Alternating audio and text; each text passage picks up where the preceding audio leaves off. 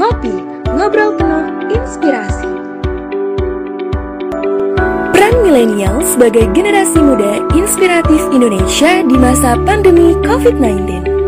Aduh, Par, malam minggu ini aku rasa hari ini tuh gebut banget deh.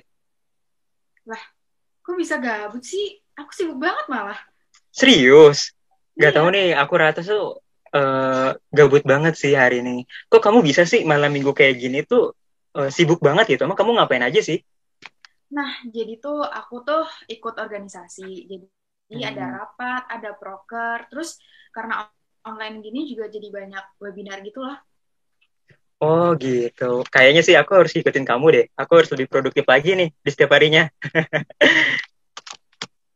Iyalah. Eh, BTW ini podcastnya udah dimulai. Oh, halo, halo teman-teman, Sobat Ngulik. Ketemu lagi di Ngopi Podcast. Sekarang kita udah ketemu sampai di episode 29. Nah, eh, sebelumnya aku perkenalan dulu ya. Aku Parima Hayu dari Center of Management, dan aku nggak sendirian. Aku ditemenin sama temanku Adit. Halo, Adit. Halo Pari, halo Sobat Ngulik semua. Perkenalkan, aku Aditya Erlangga, biasa sih dipanggil Adit. Nah, aku dari Future Star IPB nih. Nah, bener banget nih Sobat Ngulik, eh, di malam minggu ini, tepatnya di Ngopi Podcast episode 29, kita bakalan eh, membuat Sobat Ngulik semua menjadi lebih produktif lagi gitu di malam minggu. Setelah dari pagi sampai sore, eh, Sobat Ngulik nih udah produktif banget ya. Eh, kita malam ini bakalan buat sobat ngulik semua lebih produktif lagi gitu. nah, jadi eh, di Ngopi Podcast episode 29 ini kita memiliki tema yaitu peran milenial sebagai generasi muda inspirasi Indonesia di masa pandemi COVID-19 ya sobat ngulik. Nah, tentu saja benar juga tadi kata Mbak Pari bahwasannya episode ini nggak bakalan eh, jauh keren gitu ya dari episode sebelumnya karena di episode kali ini kita bakalan ngulik-ngulik nih eh, seseorang yang sangat inspiratif tentunya Beliau adalah seorang CEO dari Social Connect, yaitu ada Kak Abdurrahman Riyandani yang biasa dipanggil Kak Dani. Mungkin kita nggak usah nunggu lama-lama lagi nih, Par. Kayaknya Sobat Ngulik udah nggak eh, sabaran untuk ngulik-ngulik seseorang ini gitu. Mungkin kita langsung sapa aja loh Kak Dani.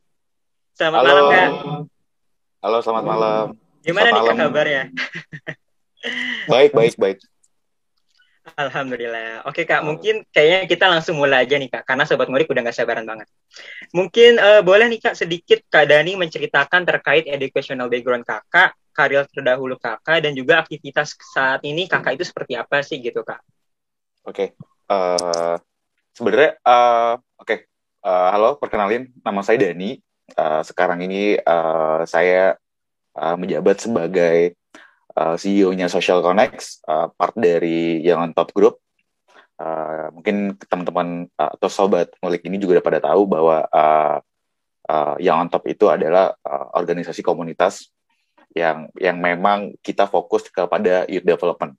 Nah, uh, sedikit cerita, jadi uh, itu aktivitas aku sekarang dan educational background-nya uh, aku biasa-biasa aja. Aku uh, salah satu uh, sarjana S1 di ilmu komunikasi dan aku ngambil di Bina Nusantara, BINUS di Jakarta dan aku ngambil uh, public relations, uh, marketing communications, terus uh, fokusnya di public relation gitu. Dan kalau ngomongin karir, mungkin eh, panjang kalau aku ceritain detail, eh, detail cuman singkat cerita, aku mulai dari kuliah sampai kerja itu udah mulai eh ah, mulai dari kuliah itu aku udah mulai kerja gitu dan memang sampai sekarang ini eh, yang membesarkan dan membawa jalan perjalanan karir aku sampai sekarang ini adalah di dunia marketing. Jadi aku lumayan mengalami banyak pindah-pindah industri, tapi tetap ada satu benang merahnya yaitu adalah di uh, bidang uh, marketing seperti itu. Wih, keren banget ya. Udah sejak kuliah itu produktif banget. Sobat Ngulik harus ngikutin jejak Kak Dani ya. Kak Dani, Yes. boleh cerita dikit juga Kak terkait perjalanan Kakak yang tadi membangun karir dan perusahaan serta motivasi Kakak nih eh, sampai sukses ngebuat Social Connect ini. Gimana sih Kak? Oke, kalau perjalanan membangun karir pasti uh, butuh perjalanan yang uh, saya nggak bilang uh, saya juga masih di tahap sekarang masih tahap masih banyak banget belajar gitu uh, dan mungkin uh, perjalanan karir saya juga masih belum ada apa-apanya dibanding senior senior saya atau dibanding mentor-mentor saya gitu. Cuman singkat cerita perjalanan uh, karir itu yang pasti uh, apa ya uh, tidak ada yang uh, mudah perjalanannya. Pasti kita selalu mulai dari bawah gitu. Dan kebetulan aku juga uh, mulai kerja dari kuliah uh, itu uh, mulai dari bawah banget tuh. Mulai dari uh, jaga toko terus uh, uh, apa ya karena aku dulu suka fashion jaga butik gitu. Terus kerja di floor ngelayanin customer segala macam terus sampai benar-benar kerja di back office terus dipromosiin jadi supervisor, dipromosiin jadi asisten manajer, dipromosiin sampai manajer, bahkan ya sampai sekarang ini dipercaya untuk membangun uh, uh, apa ya memegang satu startup company di salah satu uh, part of dari perusahaan yang sudah lama juga uh, yang bergerak di youth development itu yang on top. Uh, ya perjalanan karir itu apa ya uh, pasti butuh perjuangan lah gitu. Butuh perjuangan dan pasti jam terbang gitu. Uh, experience anything dan itu uh, motivasi yang mendorong saya adalah memang uh, saya punya masa lalu pernah menjalani usaha gitu. Dan ternyata singkat cerita uh, singkat cerita gagal dalam usaha terus ternyata akhirnya berpikir wah kayaknya harus kalau untuk bisa menjadi pengusaha atau secara sukses menjadi ini kayaknya ilmu saya belum belum ada di sini nih. Kenapa saya nggak coba untuk start menjadi uh, seorang profesional gitu. Dan akhirnya uh, lulus kuliah akhirnya saya decide untuk uh, kerja deh fokus dulu sama orang cari ilmunya segala macam eh singkat cerita uh, itu motivasi motivasi motivasi saya. Dan pada akhirnya sampai sekarang purpose-nya malah berubah. Malah saya sekarang malah berpikir gimana nih ya uh, pengen jadi orang yang sukses tapi as a professional bukan sebagai entrepreneur jadi Nah, kadang-kadang suka banyak tuh yang orang uh, teman-teman uh, soal ngulik suka banyak banget tuh yang uh, apa uh, mengsalah-artikan uh, kesuksesan itu adalah uh, selalu dalam bentuk materi enggak enggak. Kesuksesan itu adalah tolak ukur dari diri kita sendiri gitu. Kalau kalau saya pribadi ingin sukses menjadi seorang profesional ya gitu. Yaitu apa? Ya someday pingin banget uh, memimpin suatu perusahaan. Nah, kayak gitu. Nah, kalau teman-teman uh, sobat ngulik ya kalau sobat ngulik apa nih? Saya nggak tahu gitu. Nah itu tergantung dari masing-masing. Mungkin kayak Mas Adit atau Mbak Pari pasti punya cita-cita atau punya uh, benchmarknya kalian sukses itu seperti apa? Kayak gitu. Wah, keren banget kak. Uh, saya setuju sih sama kak Dani gitu bahwasannya yes. uh, apalagi kita gitu ya yang masih kaum muda emang harus tetap uh, termotivasi dan juga terus bersemangat gitu dalam menjalani kehidupan gitu. Mungkin kayak yep. tadi uh, ke Dani ini uh, definisi suksesnya adalah uh, menjadi seorang profesional gitu. Sukses sebagai profesional, bukan hmm. sukses sebagai entrepreneur. Nah, mungkin sobat mulik juga bisa mencari tahu gitu ya, misalnya uh, gimana sih kriteria sukses menurut sobat mulik itu seperti apa gitu. Wah, keren sih Kak pokoknya uh, hmm keren banget, inspiratif banget.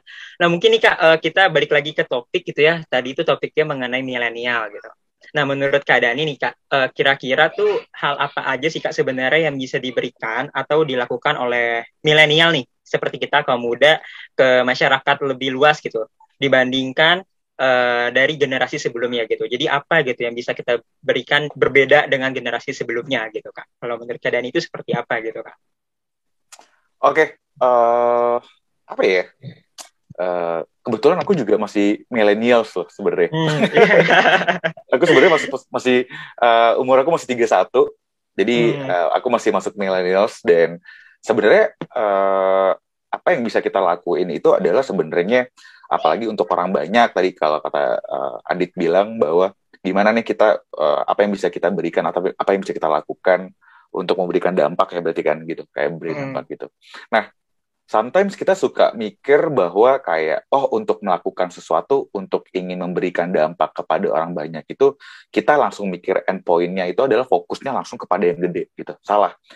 Kalau aku selalu mikir kayak uh, kenapa nggak mau dimulai dari diri diri diri diri sendiri dulu gitu.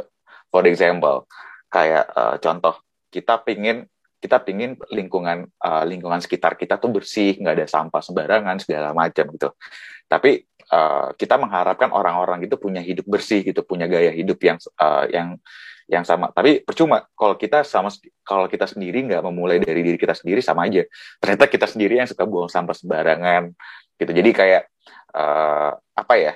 Dan dan uh, kebanyakan uh, aku nggak tahu millennials itu uh, sekarang range-nya sampai, sampai umur berapa. Uh, cuman yang aku rasain adalah uh, perbedaannya millennials sama generasi sebelumnya adalah mungkin karena ada per, ada kecanggihan teknologi segala macam gitu dan nggak uh, tahu ya uh, daya juangnya itu berbeda. Aku nggak bilang menurun daripada generasi sebelumnya, tapi daya juangnya berbeda dibanding generasi yang sebelumnya for example mungkin kita tahu lah kayak kalau saya pribadi saya kalau selalu dengar cerita orang tua saya adalah oh orang tua saya perantau terus bagaimana dia uh, uh, bertahan hidup di, di kota dari uh, kebetulan saya orang Medan di mana dia orang tua saya bertahan hidup dari Medan ke Jakarta segala macam kayak gitu gitu. Gitu kalau kita mungkin perbedaannya adalah uh, uh, mungkin yang harus lebih di uh, yang lebih harus diambil generasi milenials itu sekarang adalah daya juangnya atau semangat juangnya uh, yang bisa diambil dari generasi sebelumnya. Yaitu tadi kayak saya bilang, kalau saya dengar cerita-ceritanya uh, generasi ayah saya atau generasinya om saya gitu yang yang uh, atau yang generasi orang tua kita gitu, kalau dengar semangat juangnya mereka dulu tuh kayaknya wah nggak makan dua hari bisa sampai nggak makan satu hari, nggak bisa makan dua hari, sampai yang benar-benar bisa tidur di bawah kolong. Sometimes kalau dengar ceritanya kayaknya kayaknya nggak mungkin deh gitu. Tapi ternyata uh, that's the truth gitu. Uh, jadi kayak wah gitu beda banget gitu ya. Tapi baik lagi karena memang uh, perbedaan situasi dan kondisi.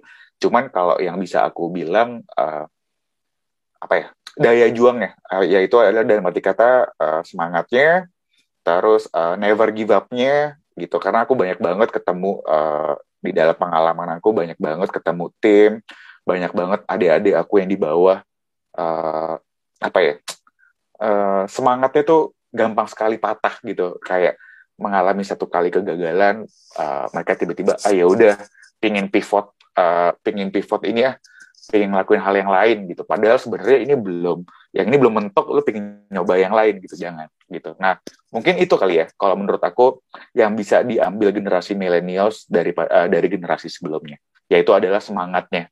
Sama uh, rasa never give up-nya itu semangat.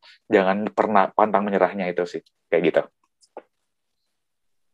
Benar banget sih. Setuju banget deh juangnya anak-anak millennials kita nih kak itu beda sama yang dulu ya.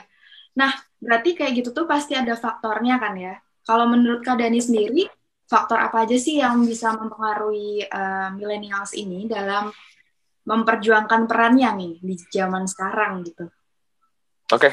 uh, eh, apa ya? Uh, ini different person, different uh, different problems, different issue. Uh, so menurut saya adalah faktor yang mempengaruhi kondisi seseorang itu sekarang terutama di masa pandemi di masa pandemi itu uh, satu yang udah pasti uh, kita kan manusia ya makhluk sosial gitu. Kayak uh, since pandemic terjadi ini kayaknya di mana-mana semuanya didorong ke digital gitu.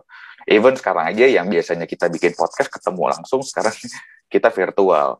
Terus uh, bikin video yang biasanya offline shooting sekarang uh, udah bisa by zoom udah bisa pakai Gmeet, udah pakai uh, macem-macem. Sekarang even WhatsApp aja udah bisa gitu, tinggal cari koneksi yang bagus aja kayak gitu. Gitu. Jadi uh, apa ya? Uh, bisa dibilang uh, faktor teknologi gitu. Teknologi itu ya itu tadi saya bilang teknologi uh, sometimes uh, yang mempengaruhi kondisinya millennials itu uh, menurut saya nggak hanya millennials tapi mungkin uh, kita semua yang memang sangat banget peduli sama uh, sosial gitu. Jadi kayak tadi balik lagi karena kita makhluk sosial, kayak kangen gak sih kalian semua tuh kita ketemu ketemu gitu terus ngobrol secara langsung segala macam gitu. Jadi uh, di balik kecanggihan teknologi itu of course kita adalah manusia biasa yang memang kita kangen banget yang namanya oh rasanya ngobrol terus segala macam terus uh, ya itu sih uh, jadi uh, sebenarnya perkembangan dunia digital sih yang lebih uh, bagus memudahkan kita untuk uh, memudahkan kehidupannya manusia cuman sometimes menurut aku uh, terkadang ada beberapa orang uh, tidak menyalahgunakan, tapi uh, dia tidak uh, bisa menjaga uh, limitasi antara kapan dia harus menggunakan uh, teknologi atau digital, kapan harus tidak. Contoh, uh, kita, misalnya saya, uh, saya, Adit, sama Pari, kita ketemu bertiga, kita adalah teman bertiga. Kita udah lama nggak ketemu, kita udah lama ketemu. Akhirnya kayak wah kita susah banget. Udah tiga bulan gak ketemu. Terus eh akhirnya kita punya satu waktu di mana kita sempat bertemu gitu. Di balik kesibukan kita masing-masing. Akhirnya kita bertemu lah di suatu tempat apa tempat ngopi atau kita makan siang bareng gitu. Atau kita dinner bareng ya udah kita ketemu gitu. Eh pas ketemu ya udah ketemu uh, percaya nggak anak-anak zaman sekarang uh, ketemu itu lebih banyak tetap di depan HP dibanding ngobrol langsung gitu. Jadi itu yang menurut aku sih uh, yang faktor yang apa ya yang sangat mempengaruhi yaitu adalah yang faktor sosialnya tuh sekarang tuh berkurang banget gitu. Kayak even sekarang uh, aku kan sekarang udah punya anak ya gitu. Sekarang aja anak aku yang masih kecil aja sekarang udah main HP gitu. Dan ya tapi baik lagi pandemi dia nggak bisa ketemu sama teman anak-anak anak-anak kecil lainnya yang harusnya dia bersosialisasi segala macam gitu. Karena ya itu karena uh, pandemi masih harus menjaga jarak apalagi anak-anak. Hmm, anak-anak nggak bisa di nggak nggak bisa disuruh ya untuk jaga-jaga jarak gitu. Jadi ya mau nggak mau sekarang aku punya anak udah satu tahun lebih terpenjara di dalam rumah mau nggak mau. Kayak gitu sih. Jadi menurut aku faktor yang paling penting itu mempengaruhi kita tuh adalah faktor uh, sosial yang akhirnya ngerembetnya ke mana tuh. Bisa ke komunikasi uh, oh enggak komunikasi enggak lah. Komunikasi justru kita lebih mudah. Tapi uh, faktor sosial sih. Faktor kemanusiaan ya yang menurut aku kita kangenin kurang lebih seperti itu hmm, bener banget kak setuju aku juga setuju sama kak Dani emang milenial itu identik sekarang ini dengan teknologi ya kayak ya? yang mana hmm. dibilang itu milenial itu bener-bener melek gitu dengan teknologi bahkan sampai meleknya dengan teknologi bener banget kata Kak Dani ketika kita bertemu aja mereka bukan memandang kita tapi memandang gadget-gadgetnya gitu. Iya, sampai aku aja sampai aku aja sekarang diajak temen nongkrong, uh, diajak uh, duduk-duduk kumpul-kumpul gitu hmm. kayak uh, aku balikin. Gue nggak uh, oke, okay, gue ikut. Tapi kalau lo pada main HP, gue balik ya gitu. Jadi uh, karena uh, jujur saya adalah salah satu orang yang benar-benar kalau uh, apa ya uh, disiplin banget soal di mana harus tahu menggunakan teknologi atau handphone mana yang memang kita uh, di mana kita sama waktunya lagi bersosialisasi gitu. Jadi hmm.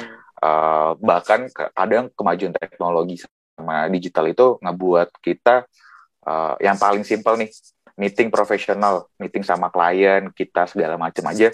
Padahal itu meeting itu meeting formal loh, meeting di mana kita harus jaga attitude kita. Tetap loh kita masih sempet-sempetnya ngeliat HP gitu. Misalnya saya klien lagi ngomong, terus kita ada uh, saya paling gak suka banget tuh kalau ngeliat ada tim saya yang masih sempet-sempetnya megang HP gitu kayak uh, karena ya apa ya uh, attitude sih gitu jadi uh, itu yang mempengaruhi salah satunya gitu kadang-kadang kita nggak tahu uh, ah, kan cuma ngecek HP iya tapi secara attitude secara manner itu nggak sopan gitu jadi hmm. uh, akhirnya kita melupakan nilai-nilai apa ya budaya sih atau nilai attitude-nya kita sih gitu Ya, benar banget, Kak. Jadi gitu ya, Sobat Ngulik. Meskipun kita melek dengan teknologi, tapi jangan sampai nih kita menghilangkan yang namanya itu faktor sosial, budaya, attitude, dan yang lainnya gitu, Sobat Ngulik. Nah, nih Kak Dani, ngomong-ngomong tadi kita ngomong masalah teknologi nih. Kan Social hmm. Connect ini merupakan salah satu bagian dari teknologi juga ya, Kak ya? Nah, yes. di masa pandemi COVID-19 seperti saat ini nih, Kak ya, banyak sekali hambatan yang terjadi di setiap segala kegiatan gitu, Kak, yang uh, ingin kita jalani gitu Nah, menurut Kak Dani ada nggak sih Kak uh, kendala atau masalah ataupun hambatan terberat yang dirasakan oleh Kak Dani uh, selama menjalankan sosial connect ini gitu Kak? Oke, okay. uh, eh, perjalanan eh sekarang yang paling berat bagi kita adalah karena social connect ini produknya memang kita pingin uh, uh, karena produk kita adalah uh, aplikasi yang memang fokus kepada seluruh kegiatannya komunitas yang ada di Indonesia. Uh, komunitas uh, dan khususnya anak-anak muda uh, Indonesia gitu. Jadi, nah uh, walaupun kita teknologi, uh, walaupun kita app, bagaimanapun objektifnya kita adalah komunitas. Nah, sekarang kesulitannya kita ini adalah kita tidak bisa mengenal komunitas-komunitas lebih dekat nih, lebih offline. Di mana kita tahu komunitas itu salah satu main activity-nya mereka tuh adalah uh, offline event gitu, atau uh, saling berkumpul, terus saling ini uh, membuat donasi, membuat program-program yang memang lebih cenderung kepada offline gitu. Dan pada akhir pandemi ini kita banyak banget kita ketemu sama komunitas yang memang mereka akhirnya ya tadi baik uh, karena pandemi semuanya everything didorong ke digital gitu dan akhirnya uh, tapi baik lagi uh, si komunitas teman-teman komunitas ini uh, kesulitan untuk menjalankan uh, kegiatan rutinnya mereka dari online uh, dari offline ke online karena mungkin ya selama ini yang mereka jalankan adalah memang uh, program offline uh, bahkan tidak terpikirkan oleh mereka untuk online gitu. Nah inilah yang sekarang kita lagi bantu-bantu teman-teman teman-teman komunitas yang ada uh, di seluruh Indonesia. Kita kita nggak hanya sekedar ngajak mereka untuk gabung di Social Connect, uh, kita nggak hanya sekedar ngajak audiensnya mereka ke Social Connect, tapi kita juga pengen ngebantu. Apa sih masalahnya mereka? Gitu for the, uh, dan kita tahu bahwa sekarang komunitas itu uh, ada satu mimpi saya adalah bagaimana komunitas ini bisa survive bagaimana komunitas ini bisa sustainable uh, tanpa harus ketergantungan dengan duit-duit donasi gitu. Sedangkan komunitas itu banyak banget komunitas-komunitas anak muda yang memang uh, anak-anak muda ini punya kreativitas yang lebih tinggi, punya ide yang lebih out of the box gitu. Tapi sayang banget, tapi dalam komunitas uh, mereka hanya terpatok dalam program donasi atau program ini gitu. Nah itu yang kita cari, gimana ngebantu mereka untuk bisa sustainable uh, dalam membangun uh, komunitas. Contoh uh, dalam contoh kayak uh, si komunitas, uh, saya punya satu contoh komunitas. Uh, foundernya sudah menjalani komunitas ini sekitar hampir 20 tahun gitu. Dan akhirnya dia ingin banget punya legacy untuk menyerahkan komunitas ini kepada generasinya penerusnya dia gitu. Tapi balik lagi akhirnya komunitas itu kuat dengan identitas si seorang foundernya ini sehingga sulit bagi dia untuk melepaskan komunitas ini. Nah inilah yang kita bantu kayak gitu gitu jadi uh, kalau ditanya uh, perjalanan terberat kita adalah uh, social connect. Ini adalah karena social connect uh, bisa kita bilang startup baru dan uh, uh, ruang gerak kita untuk mengakuisisi dan menyebar luaskan uh, bahwa ada social connect ini sekarang itu si PR kita gitu. Apalagi uh, baik lagi social connect ini objektif utamanya adalah bagaimana membantu para uh, para para teman-teman komunitas yang ada di seluruh Indonesia ini tidak hanya uh, sustainable dalam arti kata mereka mengharapkan satu atau dua program gitu. Tapi mereka bisa uh, bisa hidup dari idenya mereka kreativitasnya mereka yang memang identik dengan anak muda yaitu adalah apa? Berpikir out of the box gitu. Kurang lebih seperti itu sih. Jadi uh, social connect uh, kalau ditanya beratnya yaitu beratnya adalah uh, kalau di perusahaan startup itu kan uh, mengharapkan growth-nya yang multiple tok tok tok tok tok nah itu yang kita sekarang uh, sangat berat gitu. Karena baik lagi uh, kita untuk nge-approach anak-anak muda ini untuk nge-approach ke kampus atau ke teman-teman uh, komunitas yang lainnya itu kita nggak bisa uh, terbatas lah ruang gerak kita untuk mengakuisisi mereka untuk ngajak mereka ke social connect. Kurang lebih seperti itu sih. Setuju parah Berarti uh, makin ke sini makin banyaknya digital tuh budaya kita tuh berubah-ubah gitu ya, Kak Dani? Ya, benar budaya.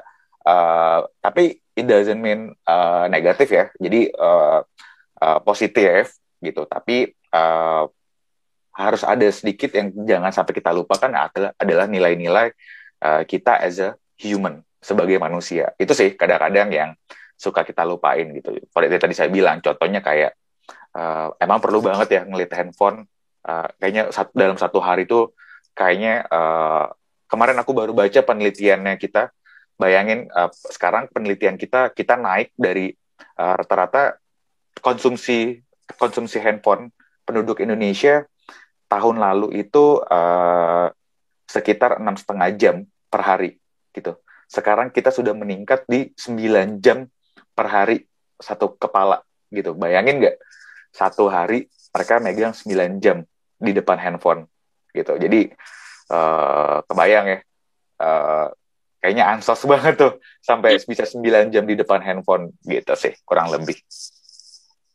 Iya kak.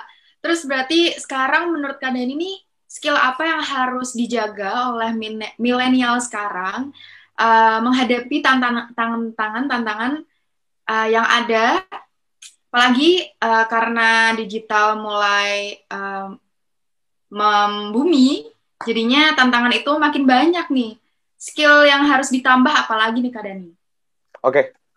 uh, kalau skill saya nggak banyak ini uh, paling cuma satu menurut saya, yaitu adalah uh, tadi baik lagi every year, every time setiap pertambahan waktu makin ke depan, makin maju gitu, pasti teknologi selalu ada inovasi gitu. So yang jangan dilupain sama generasi milenial atau adik-adik ke bawah di bawah uh, kalau bawahnya generasi milenial seperti generasi Z itu sampai generasi baik lagi ke generasi alpha kita jangan sampai lupa yang namanya teknologi gitu terutama dunia digital so uh, jadi mulai dari uh, untuk teman-teman atau sobat ngulik yang masih pengetahuan tentang teknologi dan digitalnya masih di bawah average, di bawah rata-rata, mulai sekarang kejar deh. Itu skill yang sangat kalian perlukan gitu.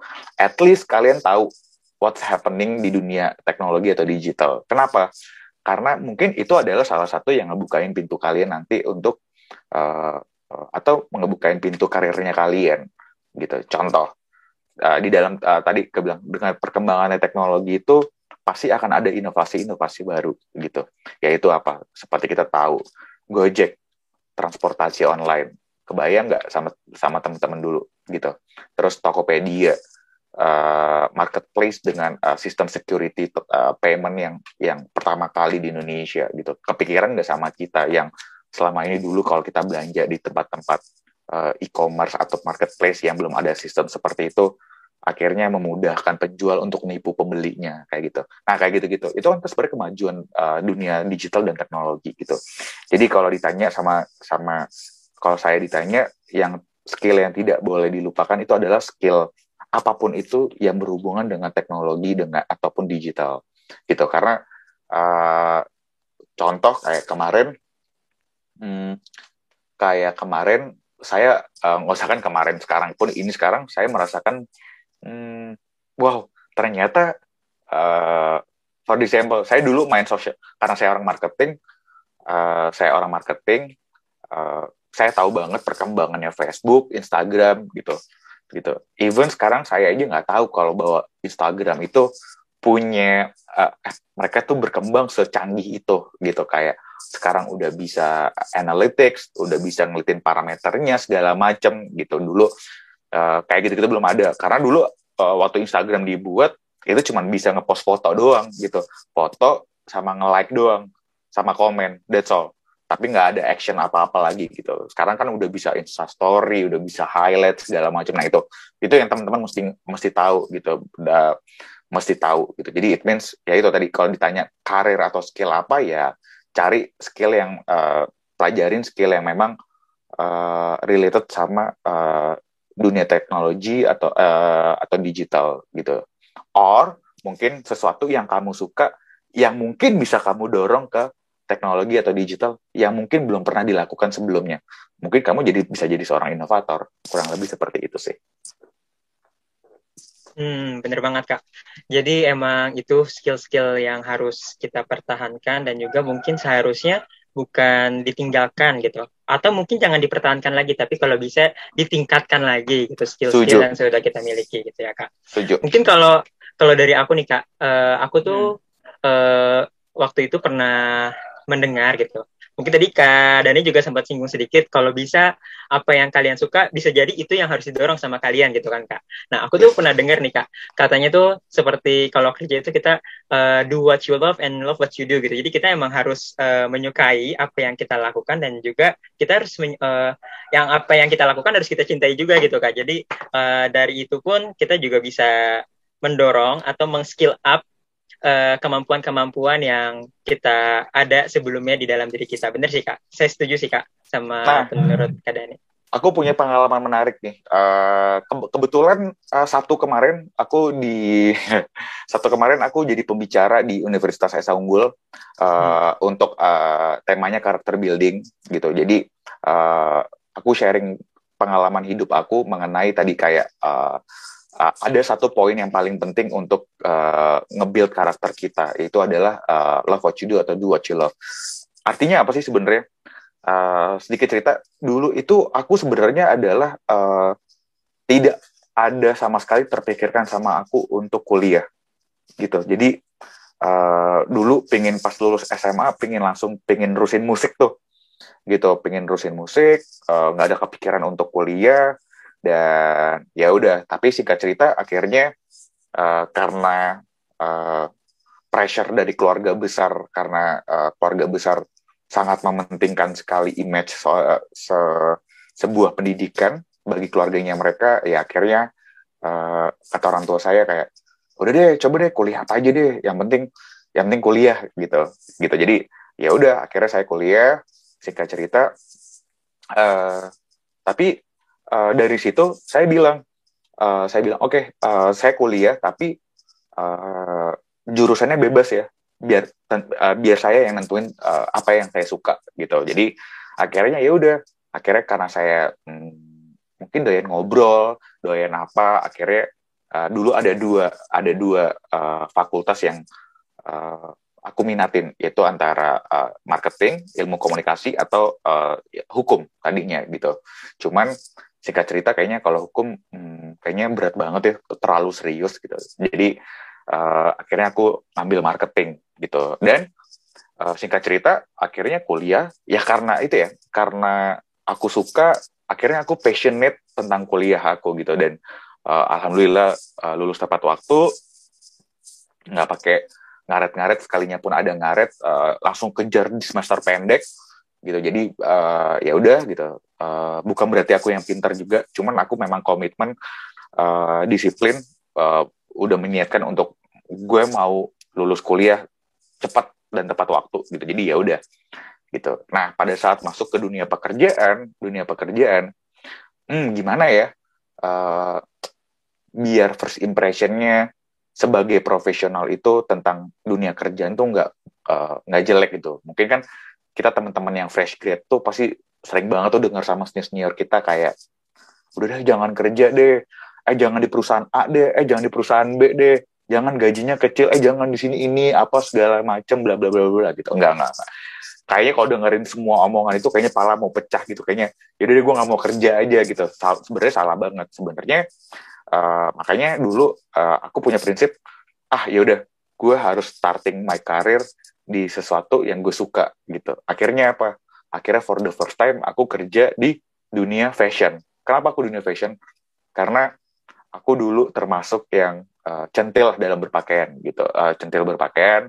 Emang sok eh, dan memang suka banget sama fashion gitu. Jadi uh, ya udah, gue pengen kerja di dunia retail, gue pengen kerja di dunia fashion dan uh, dan itu itu uh, itu was proven kebukti gitu. Pas aku kerja di dunia retail, uh, I enjoyed my my uh, my work gitu. Dan dan uh, seneng banget mau mau lembur sampai pagi pun itu nggak berasa capek di aku gitu. Dan akhirnya sehingga apa uh, outputnya uh, outputnya itu adalah persepsi aku tentang uh, tentang dunia kerja itu nggak buruk sama sekali gitu. Jadi uh, that's why kenapa salah satu poin yang uh, tadi bilang kayak love what you do atau do what you love ya itu gitu. Karena uh, biasanya Nah, apalagi kita anak muda, apalagi kita anak muda nih ya, uh, apa sih sekarang yang lagi ngetren tuh quarter life crisis, kita nggak tahu tuh maunya kita apa. Kayak hari ini maunya jadi pilot, besok maunya jadi dokter gitu. Gila tuh masih bisa ada yang kayak gitu. Nah, itu quarter life crisis banget gitu. Dan so menurut aku uh, yang uh, untuk mengatasi quarter life crisis itu salah satunya adalah yaitu tadi love what you do sama do what you love. At least apa? Kalau kamu ngerjain sesuatu sama yang kita cintain atau yang kita suka gitu, at least ada satu poin yang kita ingin apa? Kita bisa komit, kita bisa disiplin sama sesuatu yang kita suka. For example, kayak musik. Karena aku punya karena aku memang cinta banget sama musik karena aku uh, tergila-gila banget sama uh, even tidur sama bangun tidur aja kalau nggak ada earphone di kuping aku tuh kayaknya nggak mungkin gitu aku secinta itu sama musik kayak tanpa harus diminta aja aku bisa ngelakuin itu gitu sampai sekarang pun sesibuk-sibuknya aku kerja kalau disuruh sama ada temen yang anak teman-teman musik kayak eh dengerin dong review lagu gue oke okay nggak gitu kayak gitu aja aku masih bisa menyempatkan waktu untuk sesuatu yang aku suka gitu. Jadi uh, that's why kenapa menurut aku poin uh, love what you do atau do what you love itu penting banget kayak gitu.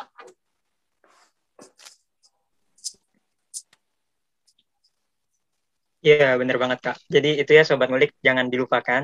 Segala apa pun yang kalian kerjakan harus kalian cintai dan cintailah apa yang kalian kerjakan gitu. Karena bener banget uh, di quarter life crisis seperti ini, masa-masanya nih kita sebagai milenial anak muda bingung banget gitu ya, mau besok mau, mau ngapain, terus nanti kerja mau kayak gimana gitu. Nah jadi jangan sia-sia, jangan sia-siakan waktu kalian gitu Sobat Ngulik.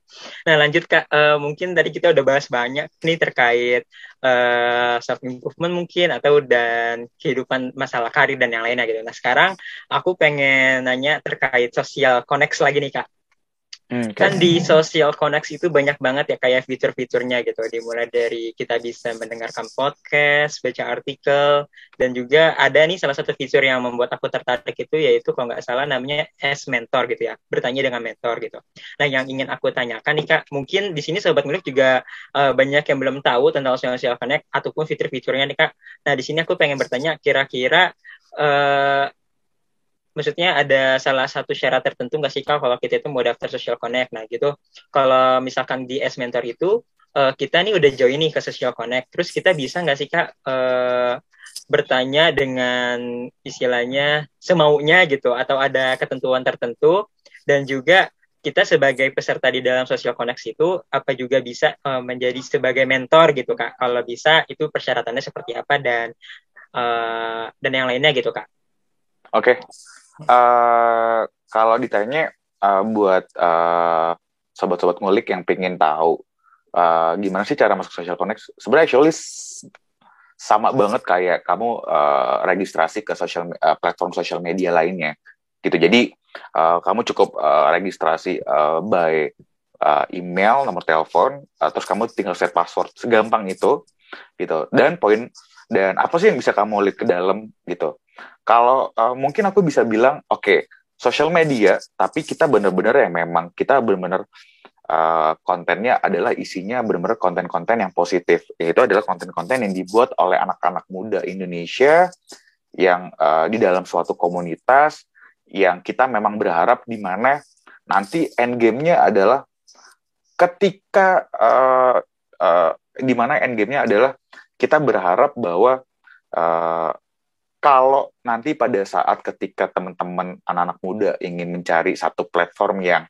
uh, mungkin uh, capek dengan dunia sosial media pada umumnya sekarang kayak pingin pingin yang ringan-ringan atau pingin sesuatu yang pingin memang uh, uh, informasinya positif atau mungkin menjadi satu ilmu bagi mereka ya mereka bisa datang ke social connect gitu.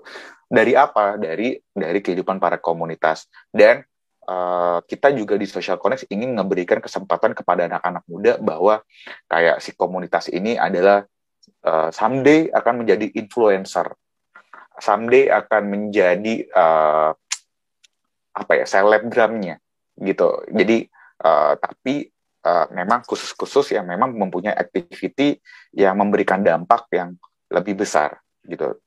That's why kayak ada memang kayak komunitas yang bergerak di hubung uh, di sosial, terus di lingkungan hidup, terus uh, literasi, terus yang memang uh, pendidikan, kesehatan, oh, dan banyak lagi komunitas yang ada di dalam gitu. Jadi uh, akan lebih ke situ di mana nanti yang memang kita berharap informasinya itu dalam bentuk podcast uh, terus ada dalam bentuk artikel terus ada event-event juga di mana komunitas bisa bikin event dan dan kita sebagai user bisa registrasi dan pingin tahu kayak dan mungkin juga nanti ke depannya buat teman-teman uh, uh, sobat-sobat ngulik yang pingin uh, ah penasaran deh pingin tahu kehidupan komunitas seperti apa. Nah itu ke social connect sudah pasti kamu ke sana aja gitu. Dan sekarang kita akan uh, terus bertambah. Sekarang kita udah ada udah ada sekitar 150 komunitas lebih uh, dan itu terus bertambah setiap harinya uh, organik uh, komunitas yang bertambah gitu jadi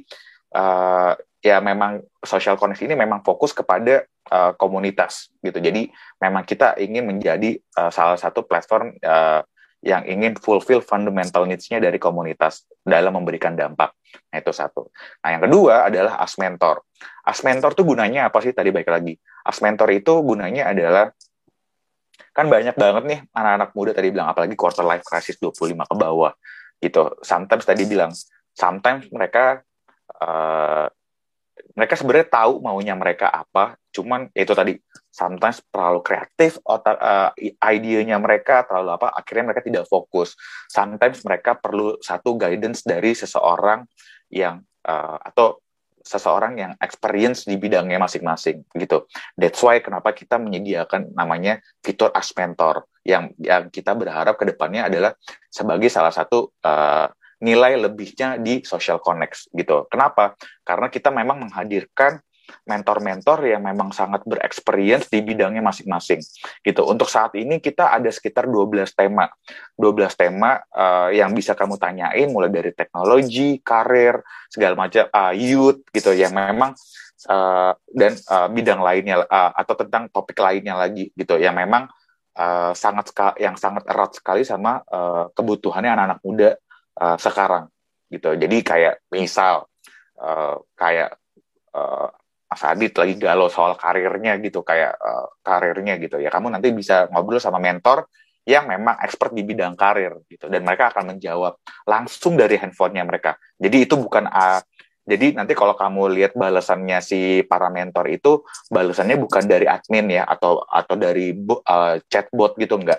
Itu langsung dari si mentornya langsung dan itu langsung dari handphonenya mereka gitu that's why kenapa kadang-kadang uh, suka let respon atau apa segala macam baik lagi mentor kita adalah orang yang sibuk tapi uh, kita uh, sebisa mungkin dari uh, platform social connect untuk selalu mengingatkan mentor untuk selalu membalas pertanyaan-pertanyaan yang uh, uh, untuk kepada user-user yang ada di social connect gitu. Nah, itu satu. Dan uh, dan abis itu uh, user juga bisa bertanya sebanyak-banyaknya selama kalian penasaran, selama sama related sama topik-topik yang ada di dalam social connect tersebut gitu.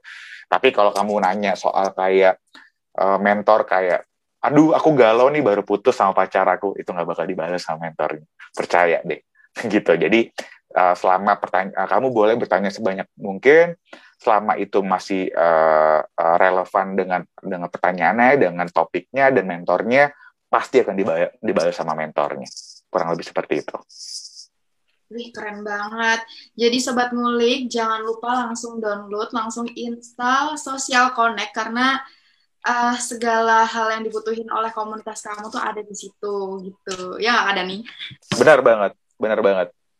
Nah, Kak Dani, yes. tapi dengan kemudahan kita dapat informasi dari komputer, dari gadget, kayak gitu tuh ngebuat kita uh, jarang dan males baca buku nih.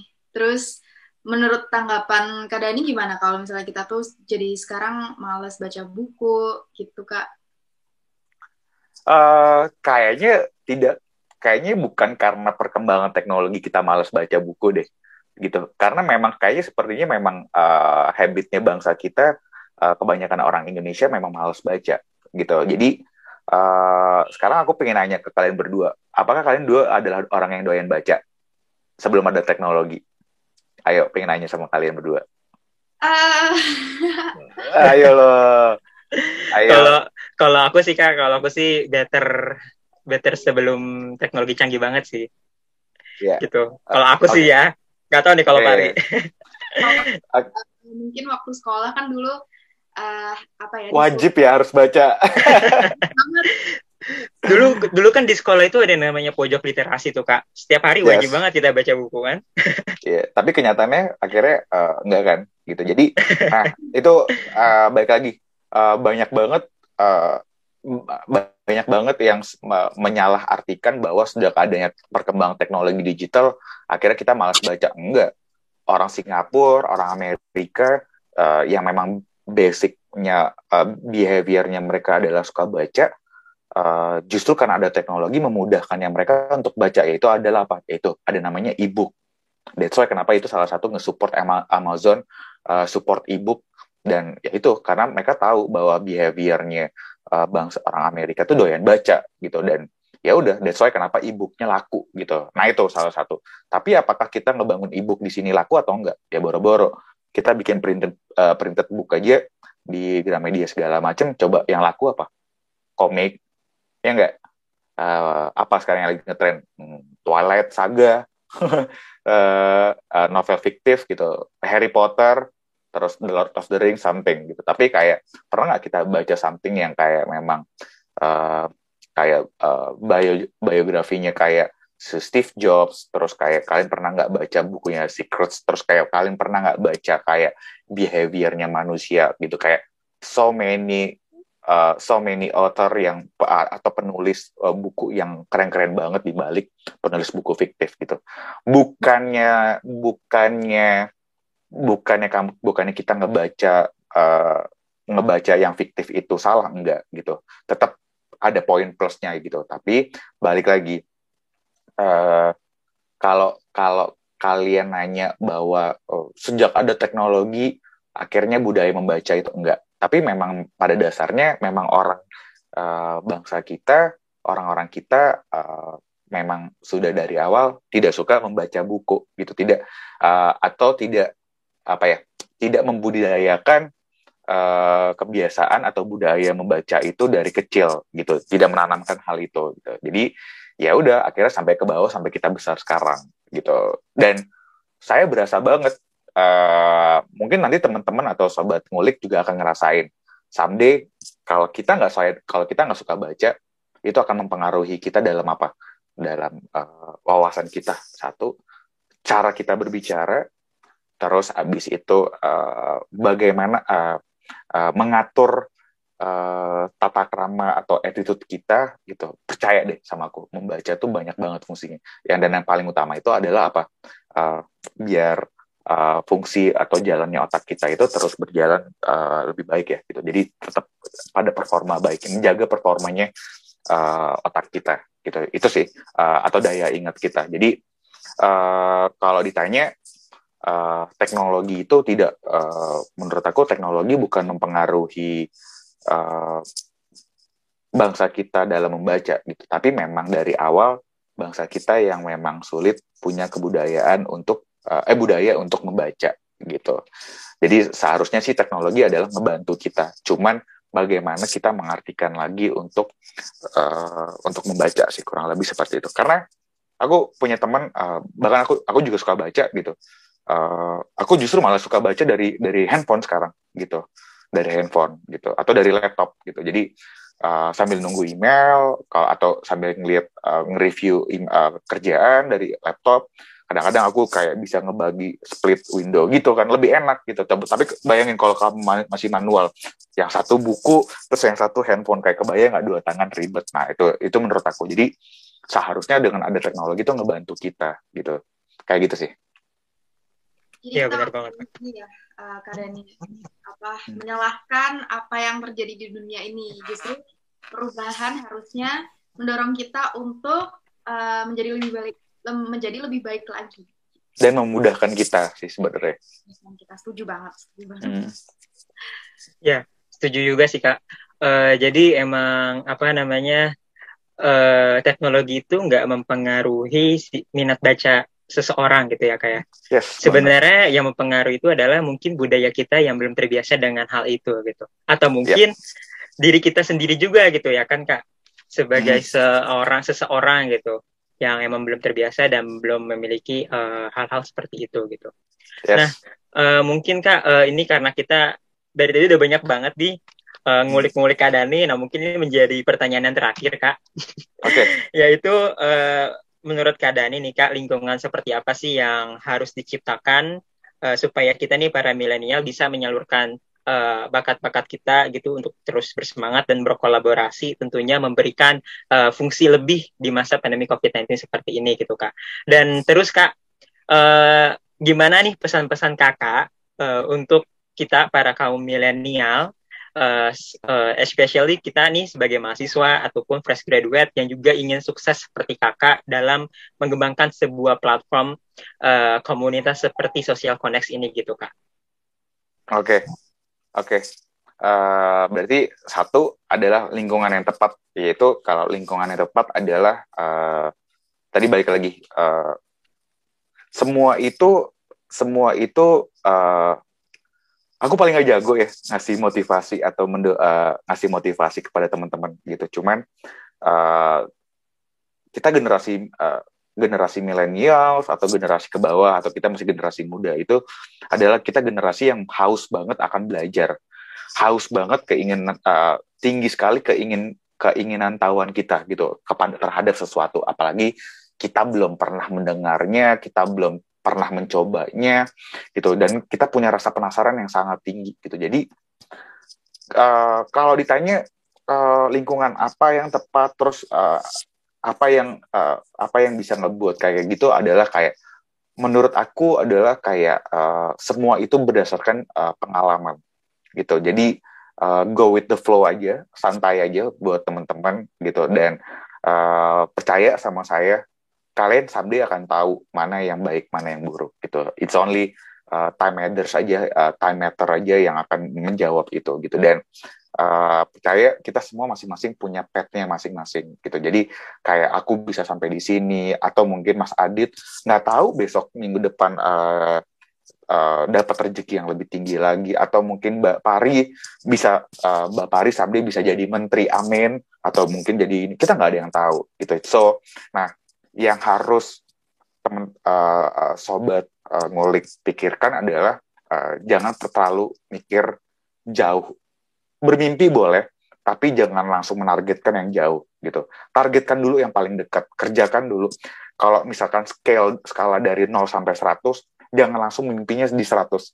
Eh, jangan langsung eksekusi eksekusinya untuk 100 tapi eksekusi dulu untuk ke nilai 10-20. Ketika 10-20 udah selesai, kerjakan yang 30-40. 30-40 udah selesai, kerjain 50-60. Seterusnya sampai nilai 100.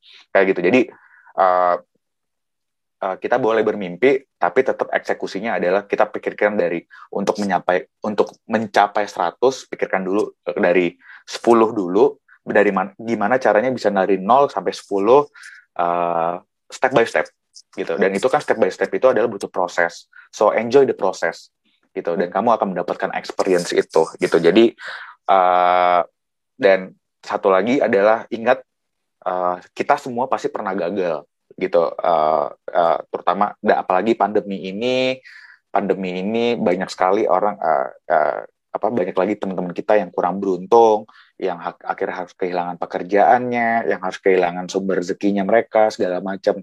Nah ini uh, daya juang yang seperti ini atau semangatnya ini yang uh, milenial harus uh, terus tingkatin gitu. Ya, uh, kita belajar dari generasi sebelumnya gitu.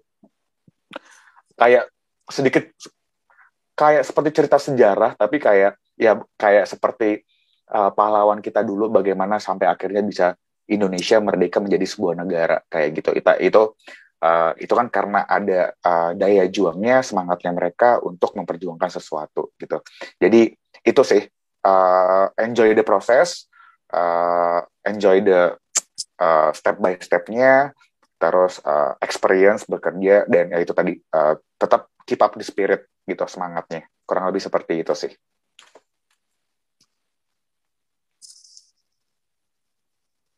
Hmm, setuju banget kak. Jadi poin yang Adit bisa tangkap itu adalah untuk kaum milenial, grow with the flow and enjoy the process. Jadi uh, iya nikmati aja segala prosesnya gitu karena di dalam proses itu semuanya akan menjadi hal uh, lebih banyak baiknya gitu kayak bisa kita uh, tanam dan juga bisa kita tingkatkan untuk ke depannya yang lebih baik lagi gitu ya kak. Iya. Soalnya iya soalnya ya tadi baik lagi soalnya tadi uh, karena kita masih muda uh, pasti Ad, mungkin Adit Pari, nggak usah kan Adit Pari, aku aja sampai sekarang masih banyak nih maunya nih, gitu. kayak masih banyak maunya gitu, kayak uh, masih banyak pengen uh, sam bahkan sampai sekarang masih ada cita-cita aku untuk jadi uh, musisi gitu. Tapi balik lagi kayak uh, uh, prioritasnya apa sekarang? Aku udah berkeluarga, aku udah punya anak, udah punya ini gitu kayak terus uh, udah berkarir segala macam, terus ya itu jadi kayak uh, Uh, tapi untuk mengetahui dan sampai di tahap sekarang ini, ya itu tadi baik lagi. Uh, ada proses yang telah dilalui, ada ada berbagai rintangan, cobaan gitu dan dan ada momen untuk kita belajar semua itu gitu. Jadi uh, teman-teman teman atau atau uh, sobat kulik nggak perlu nggak perlu takut untuk untuk untuk aduh uh, takut kayak gue nggak bakal sukses. Nggak nggak nggak pasti ada jalannya kok gitu. Cuman tinggal waktu aja yang menentukan kapan gitu. Tapi ya itu kejar secepat mungkin. Kalau emang bisa dikejar sekarang, kejar dari sekarang gitu. Tapi ya itu jangan terlalu berpikiran negatif. Uh, go, go with the flow, enjoy the process aja sih semuanya kayak gitu. Hmm, benar-benar kak. Lagi-lagi jangan takut jangan takut untuk mencoba kali ya jangan pernah takut Benar. untuk mencoba cobain aja karena uh, yang namanya gagal itu uh, hal yang biasa gitu ya kayak ya. yang mana uh, saya pernah dengar juga bahwa kegagalan itu sebenarnya uh, buah dari kesuksesan yang bakalan kita petik di depannya gitu kan nanti. Nah jadi iya, kalau uh, kita kalau kita belajar dari kegagalannya. iya benar kak, benar kak. itu aku suka balikin teman-teman aku kayak, iya kita nggak bakal sukses kalau kita nggak pernah gagal. Iya, hmm. tapi lo belajar nggak dari kegagalan? bener, uh, kak, bener. Itu aku suka balikin lagi kayak gitu. ya jadi gitu sobat ngulik uh, banyak banget yang sudah kita perbincangkan nih di malam hari ini. Kalau menurut kamu gimana nih Par? Iya, aku sampai merinding banget karena Oke, jadi setiap Kadani ngejelasin sesuatu tuh langsung di otak aku, oke okay, berarti harus sekarang bikin planner, uh, minggu depan harus ngapain, bulan depan harus ngapain gitu sih. Semoga sobat ngulik yang lainnya juga merasakan hal yang sama nih Adit. Iya benar-benar. Yang terpenting sih satu par. Jangan lupa download Social Connect di mau di HP kalian semua nih sobat ngulik karena di dalam Social Connect itu lengkap banget untuk kebutuhan-kebutuhan kalian dan juga komunitas kalian gitu. Uh, mungkin uh, terima kasih Kak Dani uh, atas waktunya dan juga sudah mau diulik-ulik nih sama Adit dan juga Pari dan juga sobat ngulik yang ada di rumah. Uh, semoga uh, sukses terus Kak Dani dan Social Connect-nya juga semakin ramai dan juga semakin keren gitu sosial koneksinya ke depannya gitu. Uh, Thank you mungkin, Adit. Thank you. Iya Kak, sama-sama Kak. Dan sobat-sobat ngulik. Oke, mungkin uh, saatnya udah saatnya untuk kita berpisah nih, Pari. Wah, Padahal masih pengen ngulik-ngulik lebih lagi. Iya, gimana ya? Mungkin di next episode kali ya. Oke, okay, mungkin. Oh iya, boleh ya, Kak. Oke deh, mungkin uh, aku Aditya Erlangga uh, pamit undur diri dan teman aku. Dan aku Parima Hayu pamit undur diri. Uh, selamat bertemu di episode selanjutnya. Terima kasih Kak Deni udah menyempatkan hadir. Uh, Kita tutup ya podcast kali ini. Dadah semuanya. Dadah. Terima kasih untuk Sobat Ngulik yang udah ngedengerin Ngopi Podcast kali ini. Dan jangan lupa untuk tetap stay tune di Ngobrol Penuh Inspirasi selanjutnya. Bye-bye.